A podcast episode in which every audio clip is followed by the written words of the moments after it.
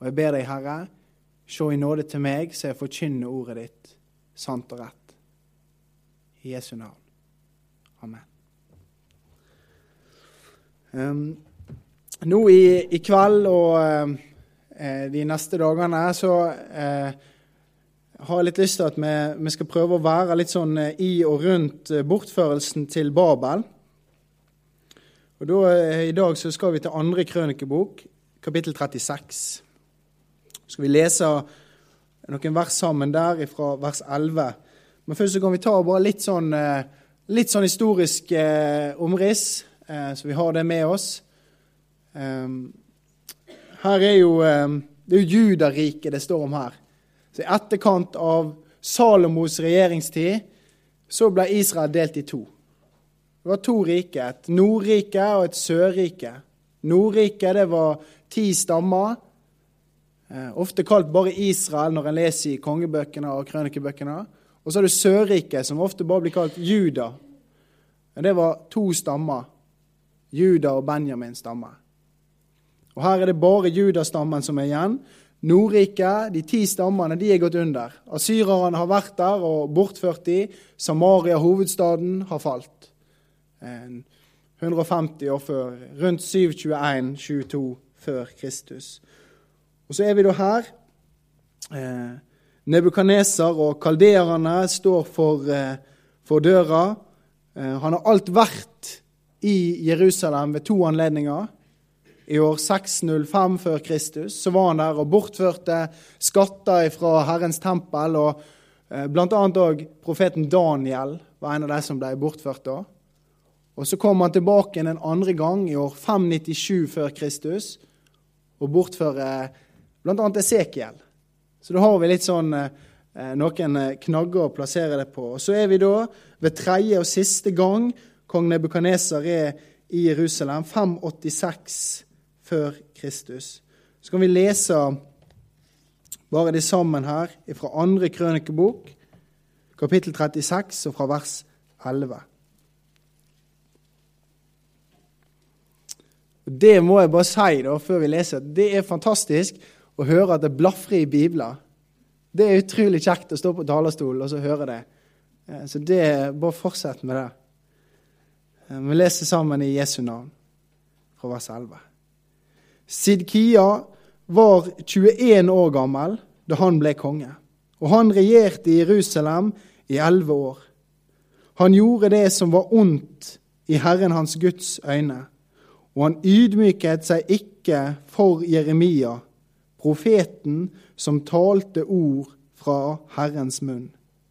Sidkia gjorde til og med opprør mot kong Nebukaneser, som hadde latt ham sverge seg troskap ved Gud. Han var stivnakket og hardhjertet og ville ikke vende om til Herren, Israels Gud. Også lederne blant prestene og folket ble mer og mer troløse, og de tok etter alle avskyelige skikker hos folkeslagene. De gjorde Herrens hus urent, det som han hadde helliget i Jerusalem.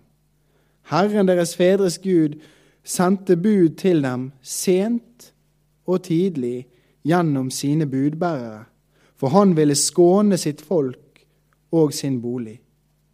Men de hånte Guds sendebud, spottet hans ord og holdt profetene hans for narr, inntil Herrens harme mot folket sitt ikke lenger kunne stoppes. Da lot kalderkongen dra opp mot dem han drepte de unge mennene deres med sverd i helligdommen og skånte verken gutter eller jenter, gamle eller skrøpelige. Alt ble overgitt i kongens hender. Alt utstyret i Guds hus, både stort og smått, skattene i Herrens hus og skattene til kongen og stormennene hans, alt tok han med seg til Babel. Så brente de opp Guds hus og rev ned Jerusalems mur. Alle borgene i byen satte de i brann, og de ødela alle kostbare gjenstander. De som slapp unna sverdet, førte han i eksil til Babel. Der ble de slaver for ham og sønnene hans, helt til perserne fikk makten. Det er jo grusomme ting vi leser her. Om kalderkongen som kommer og, og slakter ned folk. Han skånte ingen, verken gutter eller jenter, gamle eller skrøpelige. Han drepte de unge mennene med sverd i helligdommen, står det. Men det er dette her som skjer når Guds folk slutter å gi akt på Guds ord. Når Guds folk ikke lenger hører eller gjør etter det de hører av Guds ord, så ender det med død og fordervelse, med kaos og ruiner. Vi ser eh, at det opprøret mot Gud, mot Hans ord, det er i hele hierarkiet her. Helt ifra toppen hos kongen, og så brer det seg nedover. Vi ser kongen Sidkia i vers 11. Det er vers 12. Så står det at han gjorde det som var ondt i Herren hans Guds øyne, og han ydmyket seg ikke for Jeremia, profeten som talte ordet fra Herrens munn. Jeg syns det, det, er utrolig tøft, det ordet om Jeremia der. da. Et fantastisk vitnesbyrd om Jeremia. Midt inn i denne tida her. Kongen ville ikke høre på han. Folket var ulydige. Så var han det vitnesbyrdet. Han er profeten som talte ord ifra Herrens munn. De ordene som Jeremia bar fram, de som han forkynte, det var ord ifra Guds egen munn. Men kongen gjorde sitt hjerte hardt. Han ville ikke høre på dette. Og så sprer det seg òg, denne ulydigheten, i vers 14. Også lederne blant prestene og folket ble mer og mer troløse, og de tok etter alle de avskyelige skikker hos folkeslagene. Og Så ser vi det i vers 15, at igjen og igjen så sender Herren til de budbærere for å forkynne omvendelse. Sent og tidlig sendte han budbærere til dem. Men de ville ikke høre. Han ville skåne sitt folk og sin bolig. Gud ville ikke ulykke. Ulykken er folket sitt eget valg. Det ser vi i vers 16. Men de hånte Guds sendebud. De spotta hans ord og holder profetene hans for narr, inntil Herrens harme mot folket ikke lenger kunne stoppes. Profeten Jeremia, han som talte ord fra Herrens munn, han sto midt oppi dette, midt oppi dette folket her. Eh, Jeremia blir kalt for, eh, for tåreprofeten, eller den gråtende profet.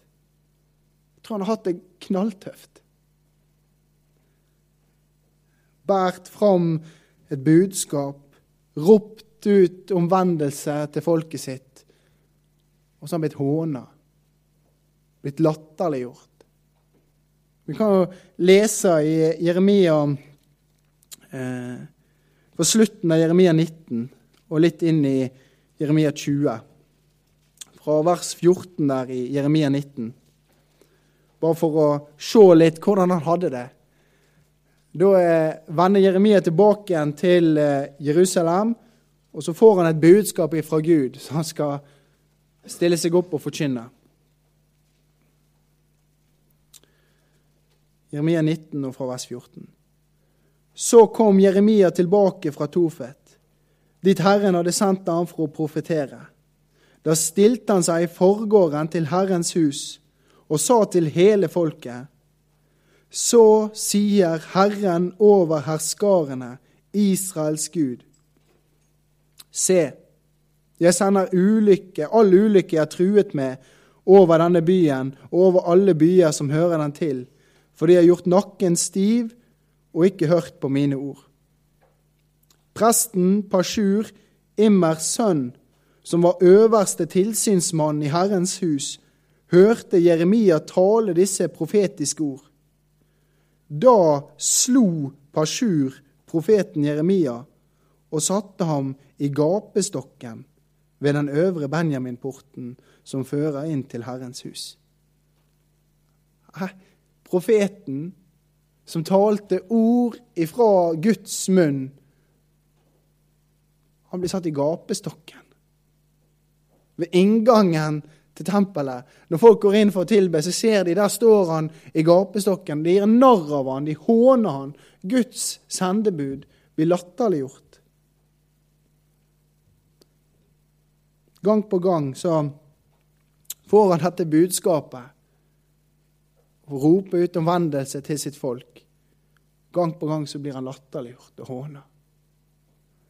Vi ser her i, i vers 7 i eh, Jeremia 20 så er litt om hvordan Jeremia forteller litt om hvordan han hadde det. Du lokket meg, Herre, og jeg lot meg lokke. Du ble for sterk for meg og vant. Jeg er til latter hele dagen, alle spotter meg. Hver gang jeg snakker, må jeg skrike, vold og ran, roper jeg. For Herrens ord er blitt til spott og skam for meg hele dagen. Jeg sa, jeg vil ikke tenke på ham. Aldri mer skal jeg tale i hans navn. Han ville bare gi opp kallet sitt. Og så står det da var det som om det brant en ild i mitt hjerte. Den var innestengt i knoklene mine. Jeg strevde for å stå imot, men jeg greide det ikke. Det var lagt som på han. Han kunne ikke la være å tale om det han hadde sett og hørt. Han måtte bære fram de ordene som han hadde fått ifra Gud. Men det var ikke enkelt. Det står en plass at han forbanner den dagen han ble født, Jeremia. Skulle ønske han ikke var til. Han ble spotta og hånt. Ehm, men gang på gang så fremfører han dette budskapet, og gang på gang så blir han avvist. Vi kan gå til Jeremia 25, og så kan vi lese fra vers 26 der, bare for å se hvor konkret han var i sin forkynnelse, hva han forkynte. Eh, og så ser vi bare hvordan det går i oppfyllelse da i andre krønikebok, kapittel 36. Men da sier han Dere skal ikke følge andre guder. Ikke tjene dem og ikke tilbe dem. Dere skal ikke gjøre meg rasende med det deres egne hender har laget. Da skal jeg ikke skade dere. Men dere vil ikke høre på meg, sier Herren. Dere gjorde meg rasende med det deres egne hender har laget, til skade for dere selv. Derfor sier Herren over herskarene, fordi dere ikke hørte på mine ord, sender jeg nå bud og henter alle slektene fra nord, sier Herren, og kong Nebukaneser av Babel, min tjener. Jeg lar dem komme over dette landet og alle som bor i det, og over alle folkeslagene omkring. Jeg slår dem med bann og utsletter dem. Jeg legger dem øde, gjør dem til spott, til evige ruiner. Hos dem gjør jeg ende på lyden av jubel og glede, stemme til brudgom og brud, lyden av håndkvern og lyset fra lamper.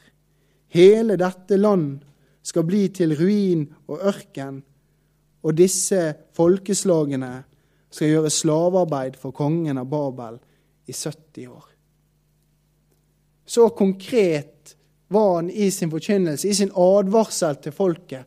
At Hvis ikke dere omvender dere, så kommer kongen av Babel. Da vil det ikke bli annet igjen her enn ørken og ruin.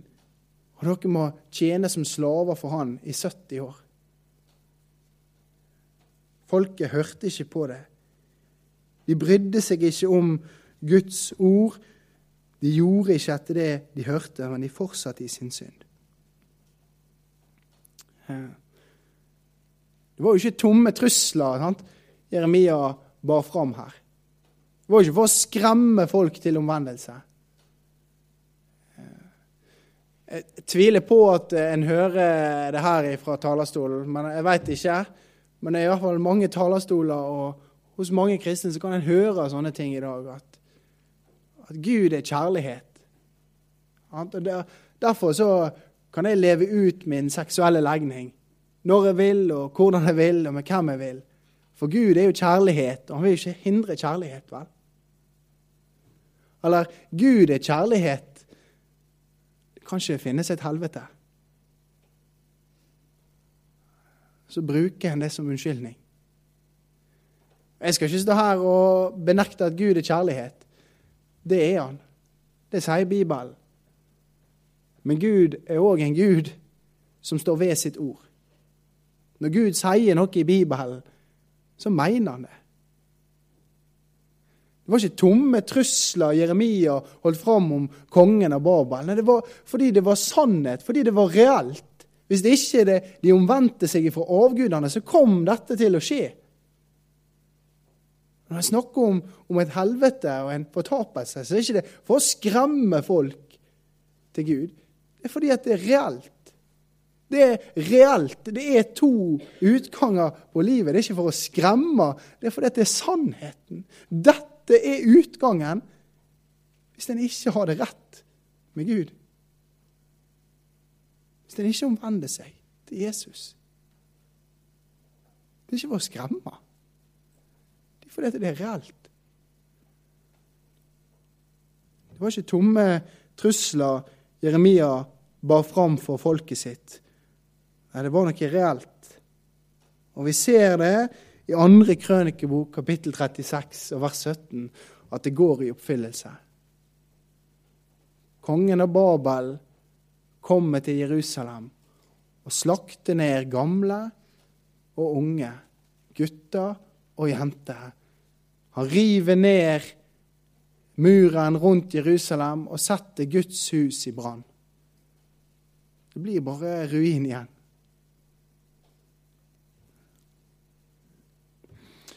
Jeg syns det er litt greit jeg, å komme til en forsamling der jeg ikke kjenner folk. For da kan jeg bare snakke sånn rett av posen. sant? Kan jeg si ting, og så reiser jeg bare igjen. Uh, uh, jeg, jeg veit jo ikke Dere ser jo veldig sånn kristne ut når jeg ser på dere. sant? Men jeg, jeg veit jo ikke hva som skjuler seg bak eh, fasaden deres. Jeg veit ikke hva du bærer på. Eh, hvordan, hvordan, ditt liv er egentlig. Eh, det kan hende det sitter noen her som har et sånt kristenliv, der det bare er ruiner. Der det bare er ørken. Det ligger i grus så veit du det. Kanskje du veit det, at du, du, har levd så lenge i strid med Guds ord. Du har noe i livet ditt, en synd, et eller annet, som du ikke vil gi slipp på. Så har du gjort deg hard mot Guds kall til omvendelse.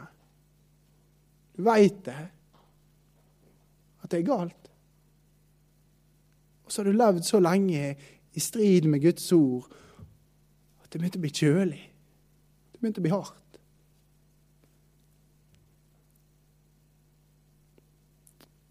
Du veit at kristenlivet ditt det er ikke annet enn en her.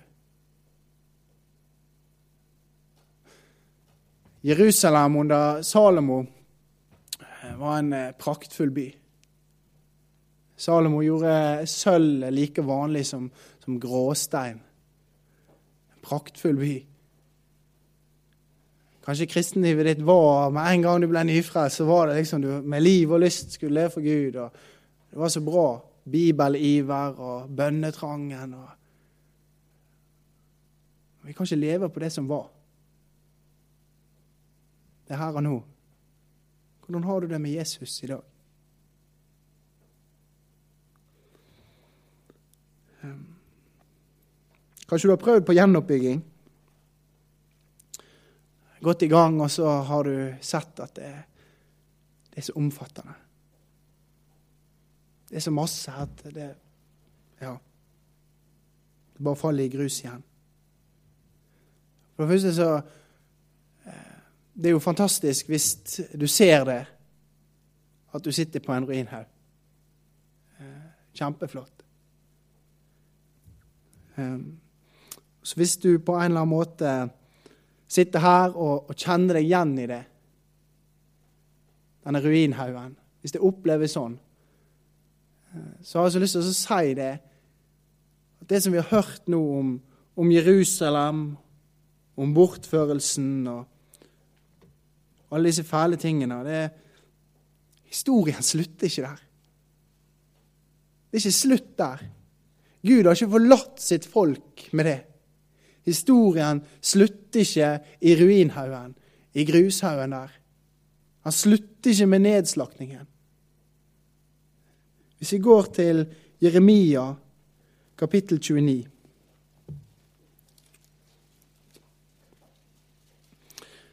Jeg synes det, det kapittelet der, det, det, er jo et brev da, som er skrevet, som Jeremia skriver til de som er bortført. Som han sender til de bortførte. Det syns jeg er veldig sterkt. De folkene som hånte Jeremia, som latterliggjorde han, det er disse han sender dette brevet til. Så det er et kjente vers vi skal lese nå. Um, fra Jeremia 29 og fra vers 10. Til de bortførte. Så sier Herren, når 70 år er gått for Babel, skal jeg se til dere. Da skal jeg oppfylle mitt gode løfte for dere og føre dere tilbake til dette stedet. For jeg vet hvilke tanker jeg har med dere, sier Herren. Fredstanker og ikke ulykkestanker. Jeg vil gi dere fremtid og håp.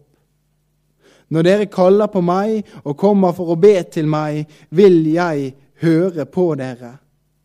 Dere skal søke meg, og dere skal finne meg, når dere søker meg av et helt hjerte. Lar jeg dere finne meg, sier Herren. Så vil jeg vende skjebnen for dere og samle dere fra alle de folkeslag og steder som jeg har drevet dere bort til, sier Herren. Jeg skal føre dere tilbake til det stedet jeg førte dere bort fra i eksil. Fantastisk. Jeg vil gi dere fremtid og håp. De ulydige, de som hånte Guds sendebud, de som gjorde narr av profeten Jeremia, som talte ord fra Herrens munn, de får høre disse ordene. Jeg er en sånn type da, som Jeg tar veldig lett til med domsordene i Bibelen. Og tar de veldig lett til meg og, og kjenner på en måte realiteten i de. Um, og så vi, så vi det i stad, at domsordene de gikk i oppfyllelse. De ordene til ulykke de gikk i oppfyllelse. Men like sikkert som at de domsordene gikk i oppfyllelse, så gikk også disse ordene til frelse, til utfrielse, i oppfyllelse. Når 70 år var gått, så så Herren til sitt folk, og de fikk vende tilbake igjen til Israel, til Jerusalem, og bygge opp igjen.